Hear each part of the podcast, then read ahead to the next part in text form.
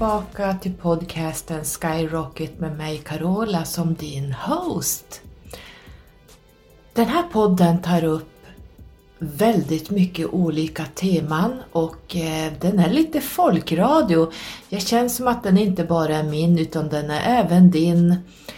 Ehm, den är gjord för sökare, för magiker, för okulta människor, för sanningssökare, Numerologi, energier och frekvenser, astrologi och alla planeter som åker runt både i och runt oss. Civilisationer som har farit och kommit och kommit och farit genom eoner av tid. Den här podden tar upp jättemycket saker så ni får jättegärna skicka in vad ni vill att jag ska ta upp nästa gång. Och vi har fått, jag och Alexandra Alvis, lite frågor kring astrologin eftersom idag har vi bjudit in henne för ett nytt avsnitt kring jättetunga ämnen tycker jag. Det här är livsfrågor. Det här är lite grann som jag ser numerologin. Vem är jag? Vad kom jag hit för att göra? Varför har jag och stöter på patrull och svårigheter i livet? Varför dras jag till vissa saker? Varför är jag som jag är egentligen?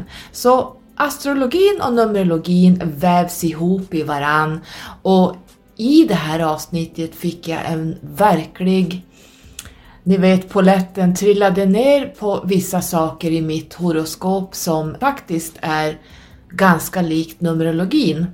Min södra nod, den överensstämmer med mitt själstal nummer 6. Det är så, eh, när, hon, när Alexandra berättade om min södra nod så blev det så här, eh, my god. Ehm, och även min norra nod, alltså min true node, stämmer överens med mitt personlighetstal, ettan. Eh, jag har väduren i min true node och väd, väduren är ju för det första det första tecknet och eh, jag har ju även ascendenten i lejonet och där styrs jag av solen.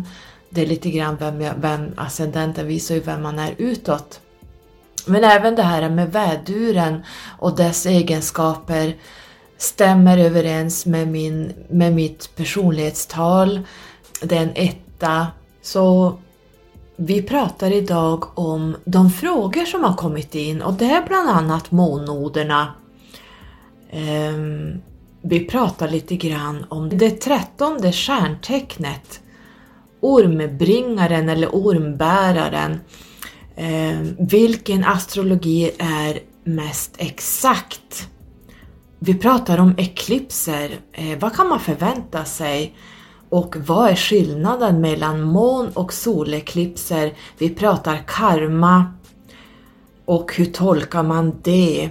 I slutet så frågade jag Alexandra om hon kunde ge oss en liten forecast vad som kommer hända under 2022 astrologiskt.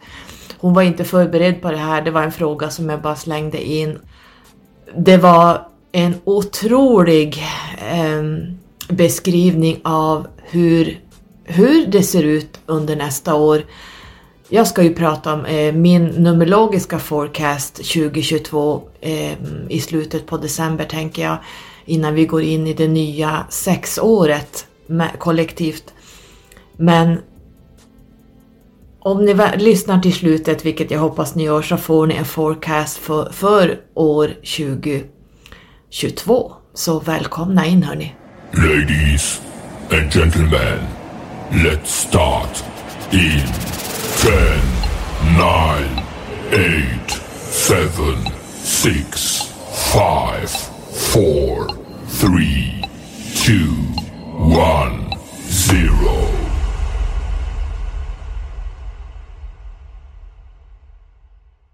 och jag vill bara reda ut begreppet karma att det är någonting det är beteenden och det är upplevelser. Det är en imprint, en så kallad, så kallad karmisk kappa som din själ tar på sig när du inkarnerar.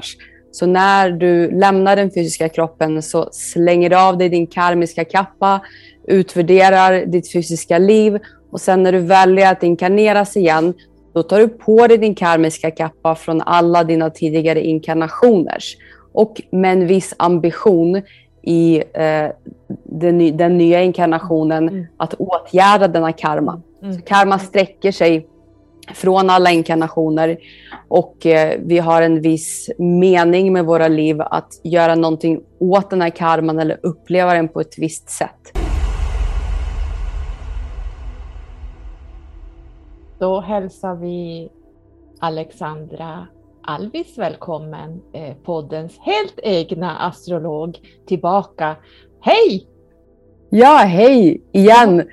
Kul att vara tillbaka och få prata mer astrologi. Det här ser jag fram emot. Och jag med. Jag är så otroligt intresserad av astrologin på sidan om min numerologi för att de är lika, jättelika fast ändå väldigt olika. Men man kan hitta lager som kommer in i och jag känner ju oftast av energierna som kommer, alltså utanför, när det händer saker. Nu när, jag ska bara säga det, det glömde jag säga dig, eh, till dig, att när Venus gick in i stenbocken. Just det. Då stod jag, steg upp och så stod jag och kokade kaffe, så stod jag vid eh, eh diskbänken. Så kände jag bara, Åh gud vad jag känner mig lycklig. Och jag är så lycklig och jag känner mig så... Alltså, allting bara förändrades. Jag tänkte, vad är det med dig? Vad fasen har du gjort? Och så sen såg jag, det stod någonstans när jag öppnade Facebook. Ja, Venus i stenbock. Jag bara, där har vi det. Så jag kände riktigt hur det, energierna ändrades. Precis, det var det ju här den... är ju på fem... riktigt. Ja, jo, planeter är ju på riktigt. Det var ju den 5 november som Venus gick in i stenbocken. Mm. Och... Men jag kände en, en lycka, energi som bara kom så här. Och jag Precis. tyckte det var jättekonstigt så jag pratade med mina väninnor och de sa men gud vad du låter glad idag.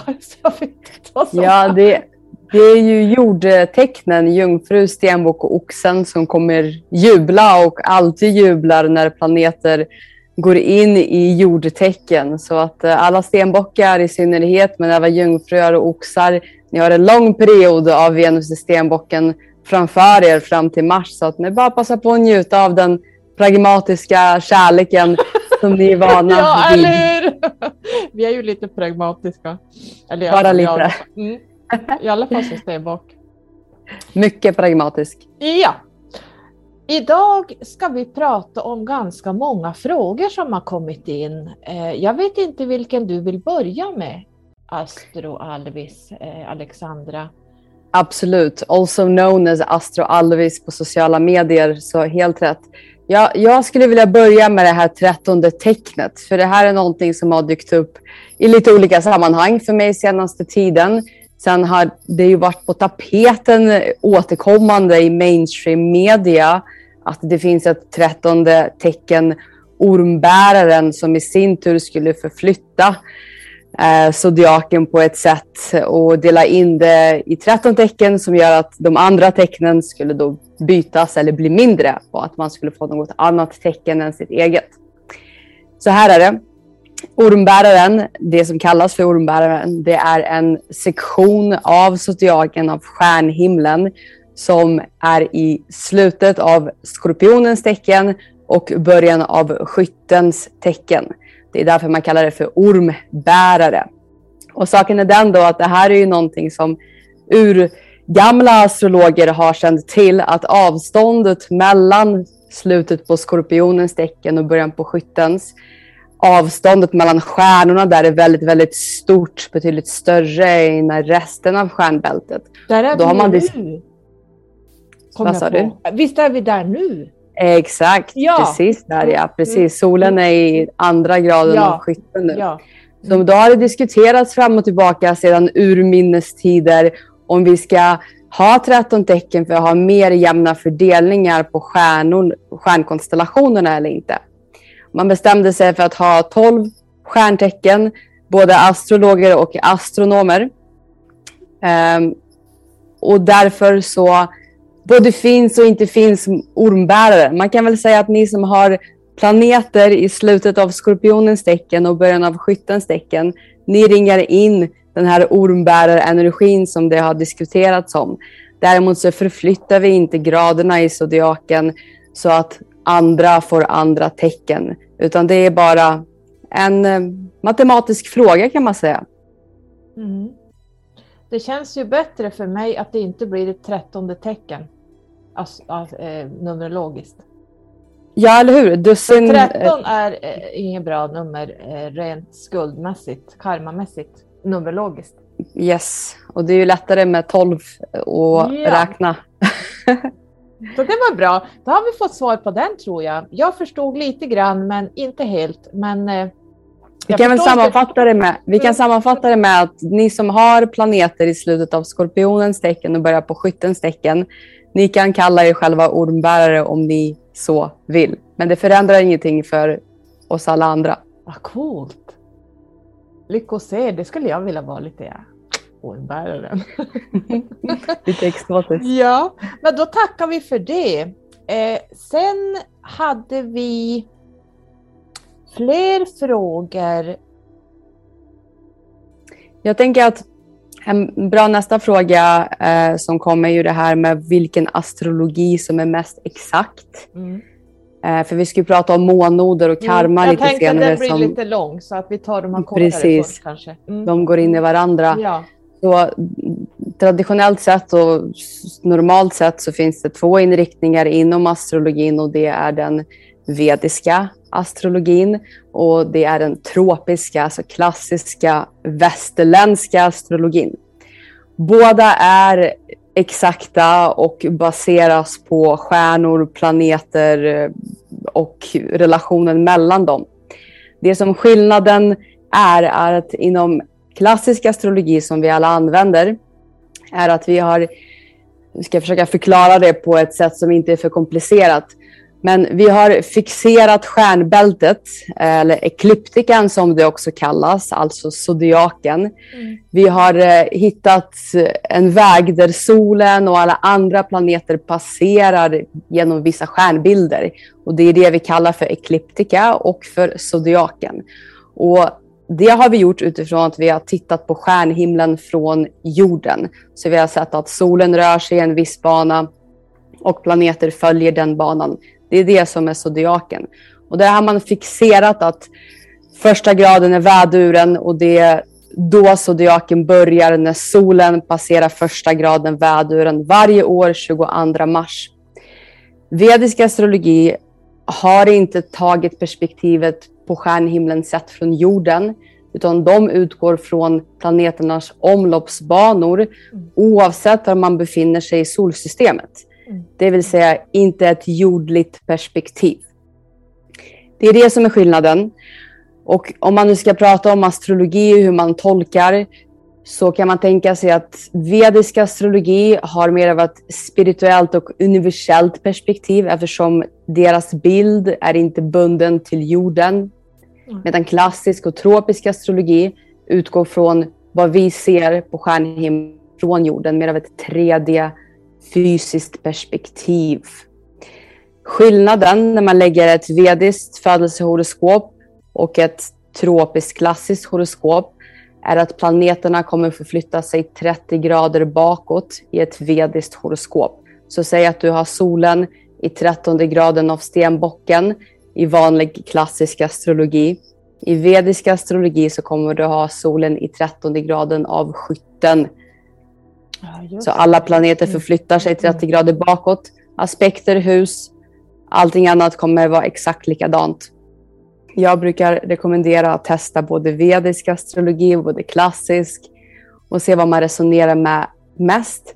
Jag använder mig av klassisk astrologi eftersom jag är en stark anhängare av att från jordens sätt är det här vi utvecklas, här vi lever och det är här vi ska tolka våra liv.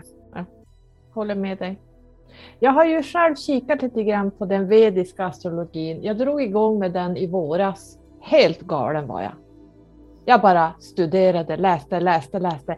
Vet du att det var så svårt. Det var så fruktansvärt mycket att hålla reda på. Det var djur, det var, alltså det var, jag, jag förstod det men jag förstod den inte för jag tänkte det här tar ju tio år att gå igenom.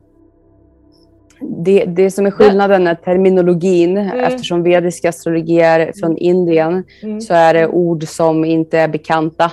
Men själva konceptet och mm. kartan mm. eh, som man lägger är det inte en extrem skillnad förutom att det förflyttas 30 grader bakåt, planetplaceringarna. Men jag tycker som dig, eh, vi är ju jordbor här och vi utgår ifrån vad vi som fysiska människor eh, tar in och upplever och vad som händer. Men det vediska, om man vill gå upp i den högre delen av sig själv, den andliga delen, då kan man ju kika på det vedan lite grann om man vill bara för hobby. Absolut. Men du, den kinesiska då? Precis, den kinesiska astrologin den är ett komplement till eh, de två klassiska inriktningarna vedisk och tropisk.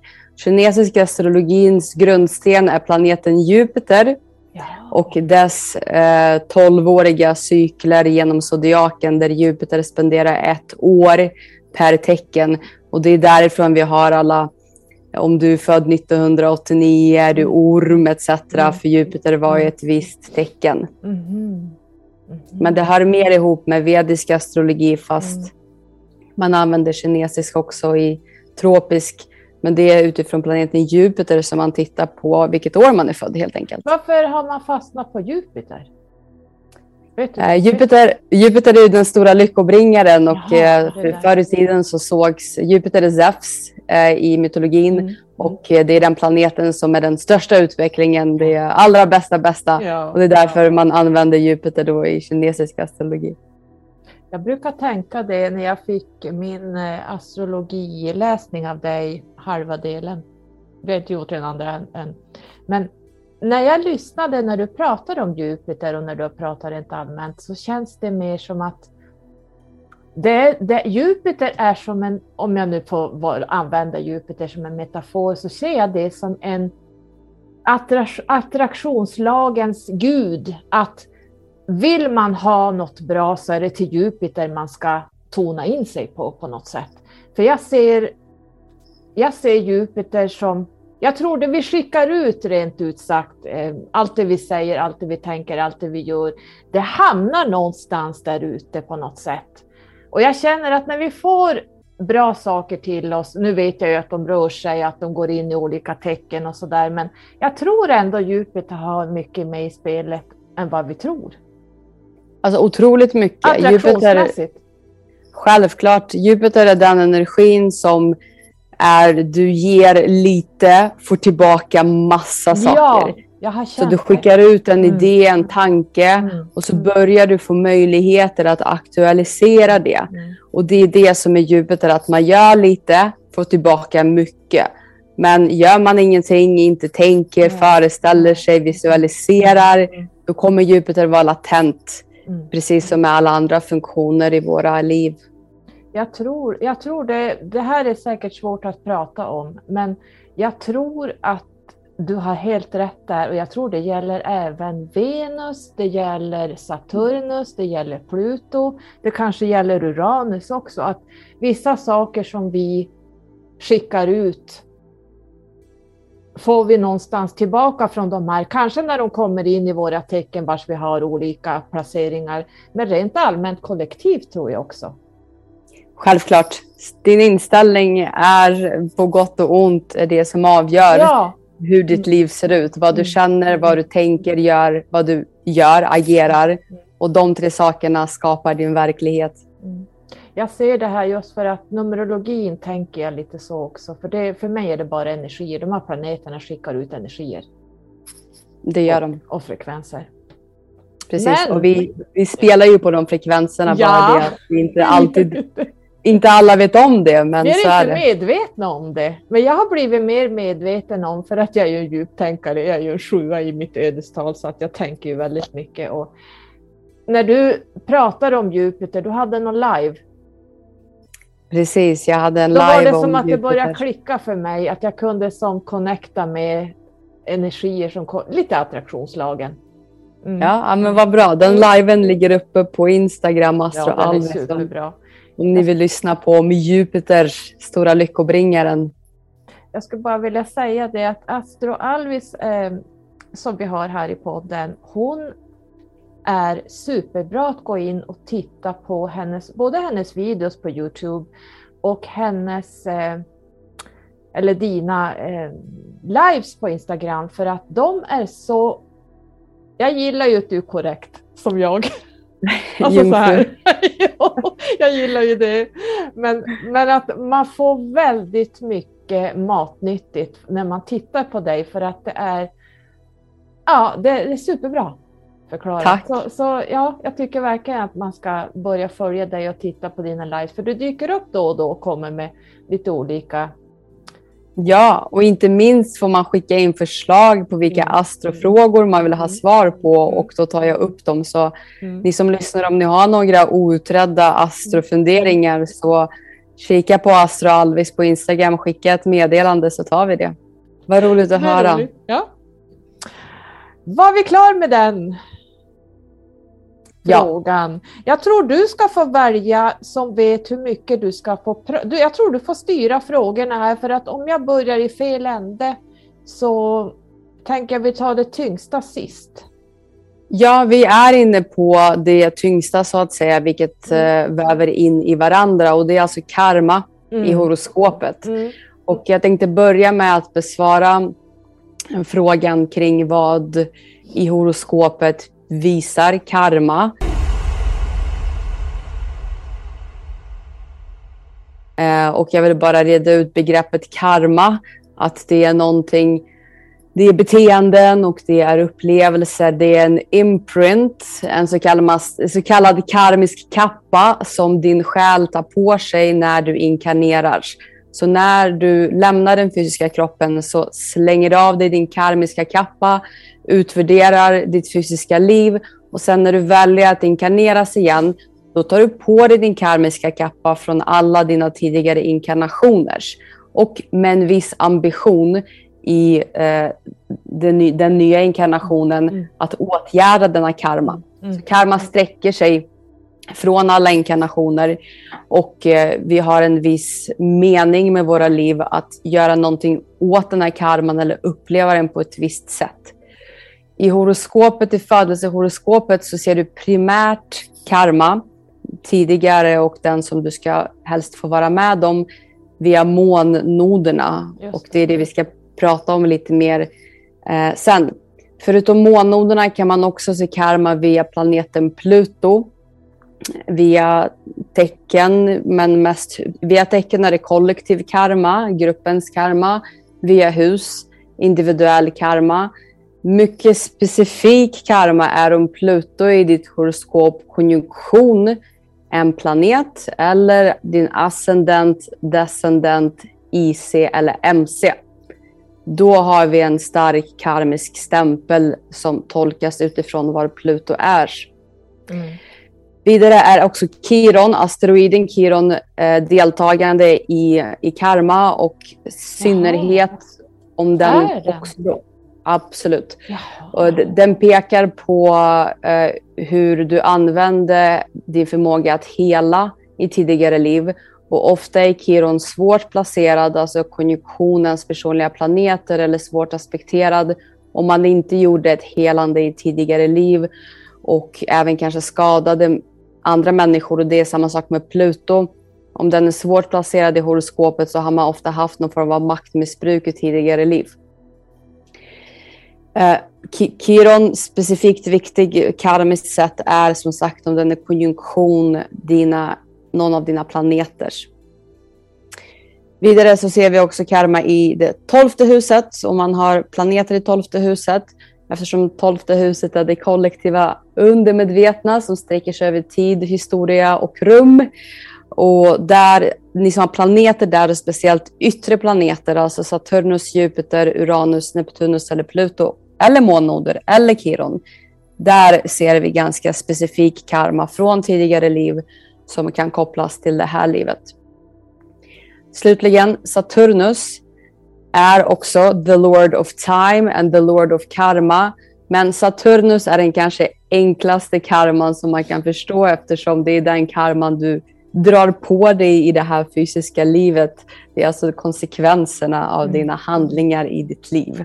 Det är den mest 3D-karman som vi pratar om. Men eh, de tre viktigaste månaderna Pluto och Kiron.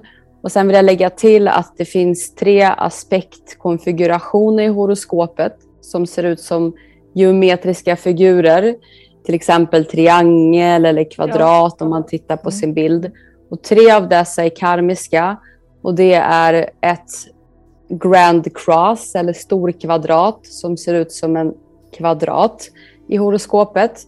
Det är kite, också känns som drake. Ser ut som en flygande drake i horoskopet. Och det är också jod som räknas till en karmisk aspektkonfiguration.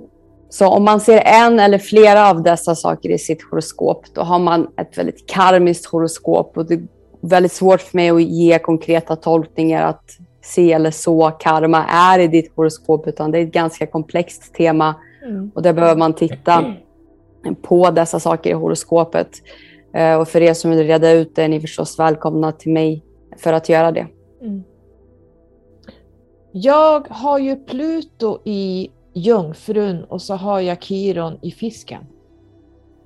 Precis, och här är det viktigt då att tänka att Kiron och Pluto i, te i tecken, det är kollektiv karma för det är grupper som bär den placeringen för de är långsamma. Ja. Så Pluto och Jungfrugenerationen bär en karma kopplad kring vad vi har gjort med jordbruket och naturen och eh, hur vi har industrialiserat den och vad vi har gjort med den kort och gott. Ja. Den individuella karman kommer du se via husplacering för båda och i synnerhet via aspekter. Okej. Okay. Eh, numerologiskt är det inte riktigt så här, men jag tror ändå om man skulle börja sätta sig in i det skulle man säkert hitta kopplingar tror jag. Absolut. Mm. Har vi tagit hur man tolkar det här? Det är ju det som blir kruxet. Det, man måste tolka utifrån uh, vilket hus uh, ja, de här planeterna mm. är i och mm. vilka mm. aspekter mm. de gör mot andra planeter. Och det mm. är, man ska gärna gå till en astrolog för att få den tolkningen om inte man själv är väldigt insatt i astrologi. För det aldrig en sak som pekar på en Nej, specifik karma, utan det är ett Nej. ganska komplext tema givetvis. Varför heter det månnoder? Ladies and gentlemen, let's start in 10, 9, 8, 7, 6, 5, 4, 3, 2, 1, 0.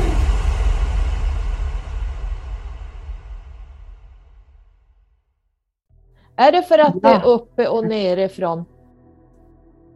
Det, är jätte, det är en jättebra fråga. Eh, månnoderna ska vi prata om och månnoderna är ju inga himlakroppar Nej. utan de är så kallade midpoints.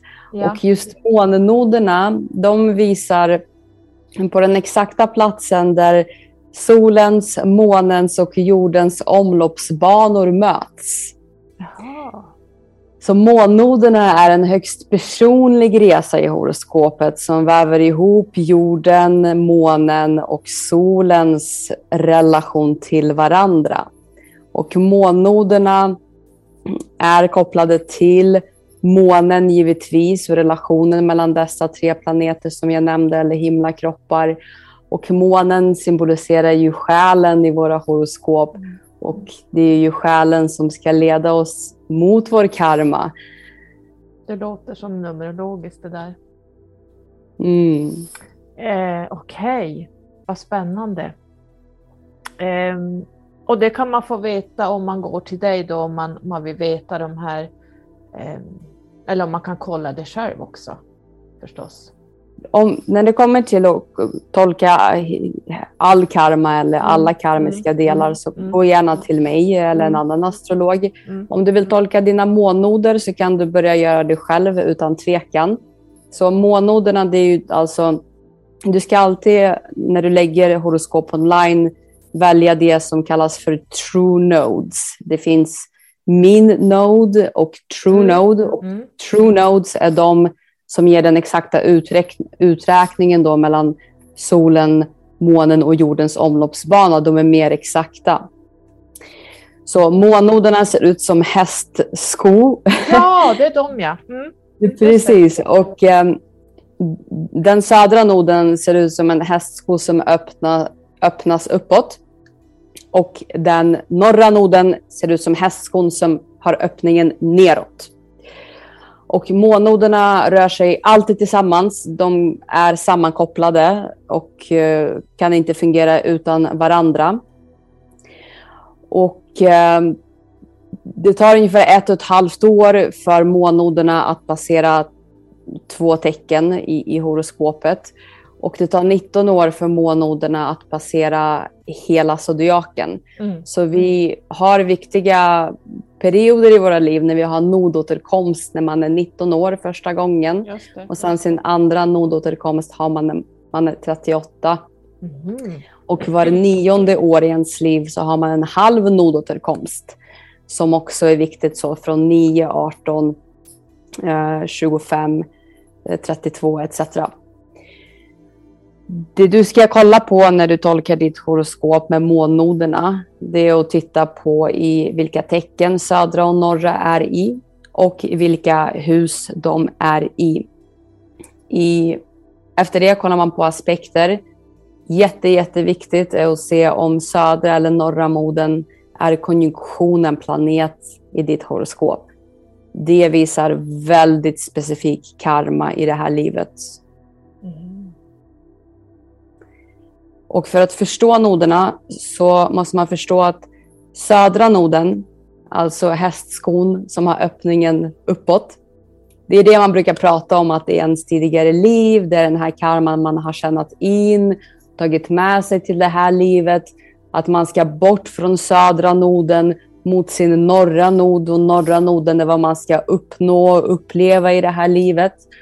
Och Mm. jag vill verkligen att man ser på noderna som ett samarbete.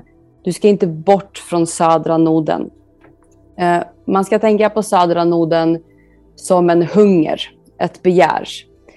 Någonting som verkligen kallar på dig att det här vet jag vad det är, det här tycker jag om, det här kommer jag fortsätta göra.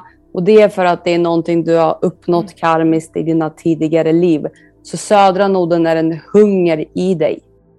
För att göda den hungern på rätt sätt, alltså på ett sätt som inte är destruktivt och som inte håller dig tillbaka från din karma, så måste du förstå norra nodens placering och använda norra nodens placering via tecken och via hus för att göda den här hungern som södra noden har. För den kommer alltid vara hungrig. Man måste ge den mat på rätt sätt och det är via norra nodens tecken och hus. Mhm. Jag sitter och tittar på min egen karta här. Jag har ju den norra i väduren. Och i vilket hus? Eh, tio måste det bli. Just det. Och södra blir du automatiskt i vågen och i fjärde huset. Ja, Så såklart, de är, de är alltid mitt emot varandra så de kan inte vara på, de är alltid oppositionspar. Mm. Så din hunger, det är alltså vågens tecken och fjärde huset. Och då tänker vi att din hunger och ditt begär är relationer, det är njutningar, det är familj, det är privathet, det är att bara leva i kärlek, njutning, harmoni och vara omgiven av människor som du älskar och som älskar dig och ha mycket nära och kära omkring dig, gärna i hemmets vrå. En södra nod i vågen i fjärde huset är en sån person som levde i ett väldigt, väldigt vackert hus eller slott och hade massa vackra saker och var ständigt omgiven av fester och vänner och dans och sociala tillställningar och hade det väldigt, väldigt roligt. Så det är din hunger i det här livet som hela tiden kommer dra i dig och skapa begär i dig att hitta de här platserna där du kan leva festligt och härligt i harmoni med andra människor.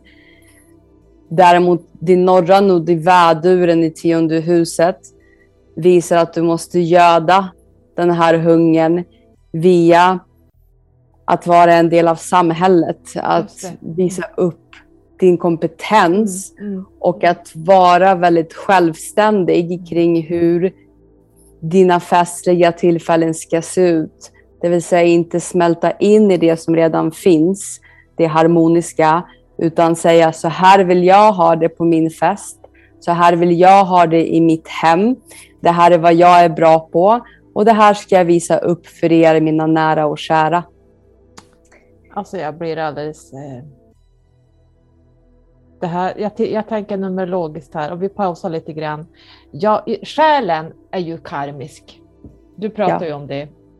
Och i Tack. själstalet är jag en sexa som är precis det du pratade om min södra nod. Det mm. handlar om familjeliv, det handlar om kärlek bland annat, visioner. Ja. Ja. Och det, det är någonting min själ vill lära sig, det är en sexa. Så det stämmer överens med astrologin. Sen när du pratar om norra noden i väduren så har jag mitt personlighetstal en etta som också stämmer överens vem jag är utåt. Så det här yep. stämmer. Absolut. Det stämmer. Vad glad jag blir. Det börjar få lite, jag vill som kunna se kopplingar. Kopplingarna. Mm, mm. Självklart. Mm. Och tänk alltid när ni ser er södra och norra noder att titta först på norra noden. För södra noden kommer ni känna automatiskt den här hungern, det här begäret, vad ni vill ha. Mm. Men det är norra noden som visar hur ni gör det på ett meningsfullt, fungerande ja. sätt.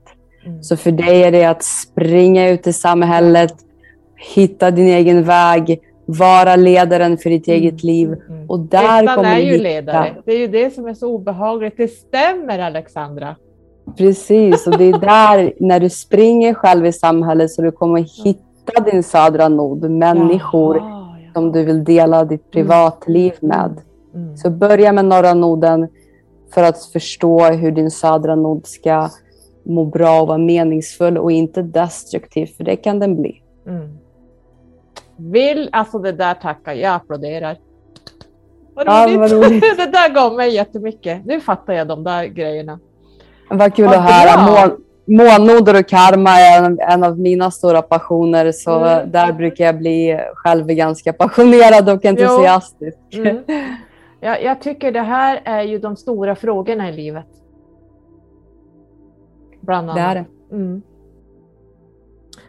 Hade vi någonting mer kring det? Till, har vi pratat om allting? Vi har inte pratat om... En, var vi klar där förresten? Hade du någonting mer du ville ta upp mm, kring det? Nej, vad gäller tolkningen av, av månnoderna, ni som tittar på era horoskop, om ni ser en planetkonjunktion nära södra eller norra noden, det ska direkt dra er uppmärksamhet då har ni en väldigt specifik karma, väldigt viktig mission och uppgift i det här livet. Mm. För er som inte har konjunktionplaneter, då tittar ni på månoderna i tecken och i hus för att förstå vilken väg ni ska ta. Tack för det. Det var super, superbra. Ja, för mig gick poletten ner här. Vad bra. Jag tänkte lite grann, vi har fått en fråga som handlar om eklipser. Nu har vi precis ja. haft en, men det kommer flera som vi säger. Det kommer, de kommer varje år, tror mm. det eller ej. Mm. Mm. Men det, eklipser väver ju in månnod-temat. För att en eklips eh, astrologiskt är alltid antingen en fullmåne eller en nymåne som sker i närheten av månnoderna. Mm. Så vi har nästan tre, fyra, fyra eklipser per år. Och när man tänker eklips tänker man ofta åh, nu är det en full förmörkelse. Men det finns partial eclipses mm, såklart. Mm, mm. Och vi har fyra stycken per år oftast. Uh, under 21 så hade vi eklipser, alltså viktiga datum Vi hade det den 25 maj hade vi en måneklips och det här gäller er som är planeter i tvillingarna och skytten. 25-26 maj var viktiga datum. Sen hade vi en eklips den 10 juni som också berör tvillingarna och skyttar. Nyligen hade vi en eklips den 19 november som då nu berör oxen och skorpionen mm. dit månoden är på väg efter årsskiftet.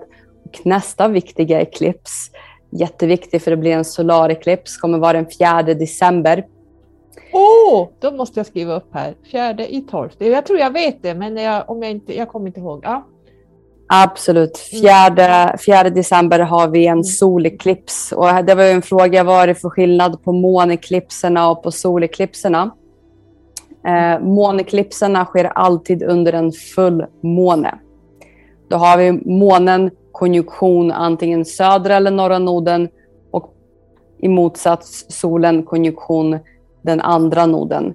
Och måneklipserna är viktiga utvärderingsfaser kan man säga. Eklipser är alltid viktiga karmiska skiften. Jobbiga. Och de skiften innebär inte alltid att någonting händer. Nej. Men ofta händer någonting i ens faktiska liv av vikt. Eh, ofta är det en inre skifte eller förståelse. Någon form av information eller en känsla.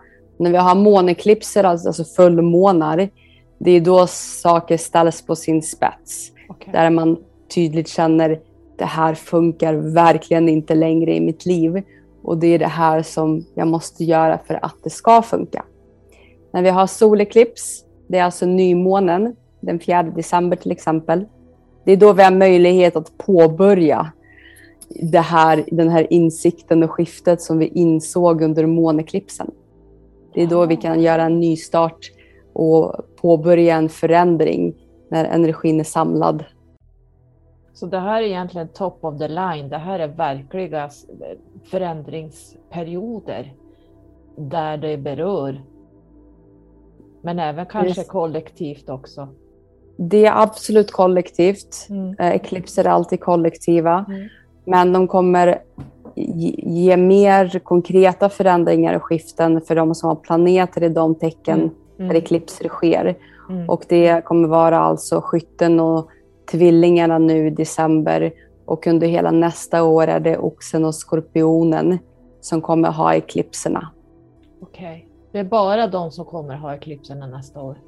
De två tecknen, det är där eklipserna Jaha, kommer ske, okay. de två tecknen. Och ni som har planeter i oxen, skorpionen, det är ni som kommer bli mest påverkade av eklipserna. Medan under 21 nu så var det tvillingar och skyttar som fick alla eklipser på sig. Vilken tur att jag inte har någon planet i Oxen. Ni ska inte vara oroliga för eklipser. Ni ska ta emot dem med öppet ja. hjärta. Mm. För det här är tider i era liv mm. då ni ser tydligt vad ni gör för fel och vad ni gör rätt.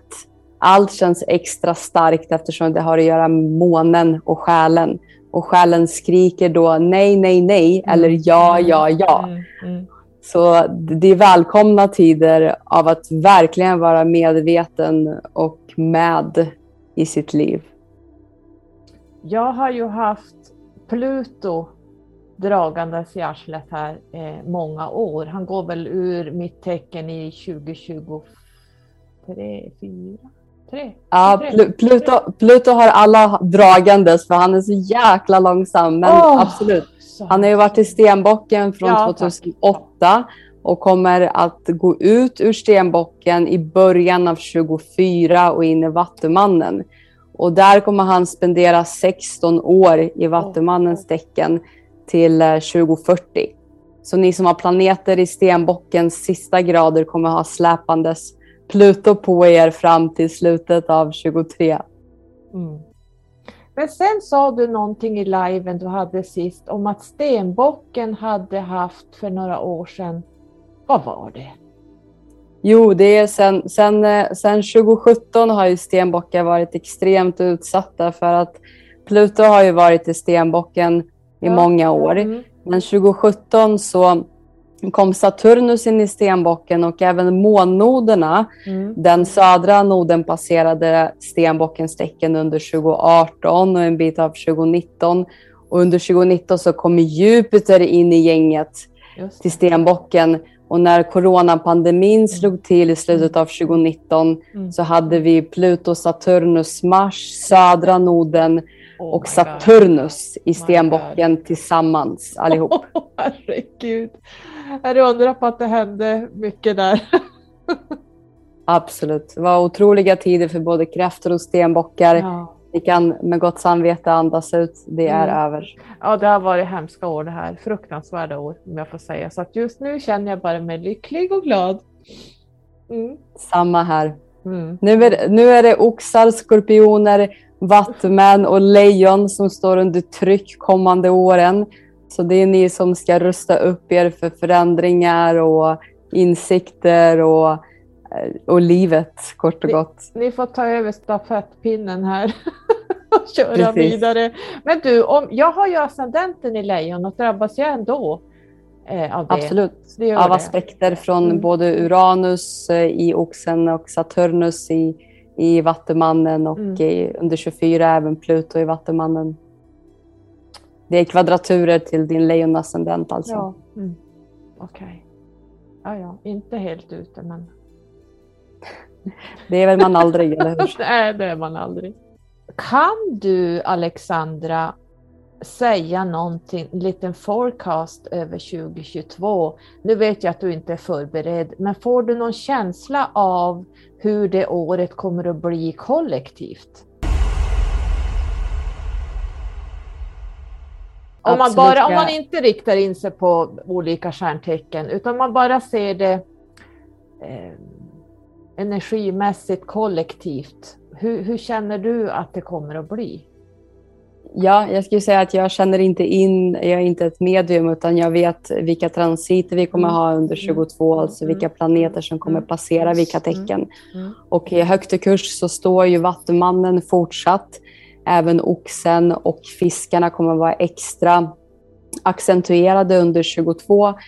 Det som händer är att vi kommer fortsatt se en frihetskamp med Vattumannen och Saturnus där, det vill säga att vi bryter ner strukturer som vi hade, men vi har inga nya ännu.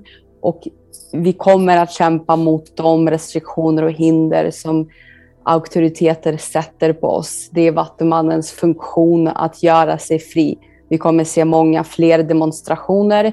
Vi kommer se många fler grupperingar i samhället. Vattumannen som har en stark värderingsfråga i grunden och, och vill arbeta för deras intressen genom att demonstrera till exempel. Så frihetsfrågan och liberalism och en viss anarki kan också förekomma då under 22. Vidare så kommer vi se en förhöjd andlighet och tro med Jupiter som går in i fiskarna och Neptunus som är där. Så vi kommer börja förlita oss mer på det andliga och på det spirituella. Många fler kommer bli religiösa och andliga på olika sätt. Så religionen kommer få en uppsving. Mm. Och vi kommer också att se förändringar i vår materiella verklighet med både Uranus i oxen och månnoderna i skorpionen och oxen. Där vi ser hur vi fördelar våra resurser och förhoppningsvis kommer komma på nya sätt att skapa materiella resurser i form av mat, i form av byggandet, i form av jordbruk, i form av elektricitet och allt det här nödvändiga för att överleva egentligen. Det kommer vara ett av de största teman under 22. Hur överlever vi Mm. på jorden? Mm. Vilka nya sätt måste vi komma på för att överleva på jorden? De frågorna och ekonomiska frågor och världsekonomin inklusive aktier och börsen kommer att vara väldigt stora teman under 22 och halva 23. Det stämmer jättebra med det jag också har fått till med det jag tittar på numerologin. Och Vattumannen ser jag som en femma. Frihet, slita sig loss. Det stora hela, titta på andra människor, kollektivet, förändring framför allt. Så vi ser en så tydlig, eh, ett tydligt utspel av Saturnus i Vattumannen i samhället just nu, där Saturnus är det som begränsar, sätter Mm. regler och Mm. strukturer Mm. och Vattumannen är den som vill vara fri Ja. med vaccinpass Ja, till exempel och, och alla andra restriktioner. Och det kommer att bli en krock där. Och det är därför jag nämnde anarki Mm. och demonstrationer, för Mm. det är tätt kopplat till Mm. Vattumannens vilja att vara fri. Vik hädan Saturnus. Han är ute från Vattumannen eh, i slutet av 22 och går in Ja. i fiskarna under Ja. 23. Ja. Men det kan bli ett händelserikt år tror du? Jag är tveklös Mm. kring att det kommer bli ett händelserikt år med mycket, mycket fokus på våra resurser och om, Mm. behövlig omvärdering av Mm. våra resurser Mm. så som vi har dem idag. Mm. kommer vi inte kunna fortsätta ha dem på samma sätt. Och det kommer vi börja upptäcka nu efter januari och ett och ett halvt år framåt. Mm, just det. Då tackar vi för det. Det var väldigt bra forecast. Vad kallar man det på svenska? Eh, För prognos. prognos kanske man säger, ja precis. Det var jättebra. Ja, jag, Jag hoppas vi på det var- bästa. Ja, vill ni ha kontakt med Astro Alvis? Ja, Alexandra, Alexandra Alvis Mm. heter jag, men ni hittar mig under Astro Alvis på alla sociala medier och Instagram är där man kommer i kontakt med mig lättast. Vi tackar för att du har varit med i podden och eh, alla astrointresserade tror jag kommer att hurra nu när de fått veta det, just det här kring eh, karma, månnoderna och eklipserna framför allt. Tack till er. Det är som vanligt ett nöje. Mm. Ha det så bra Alexandra. Hej då! Hej då!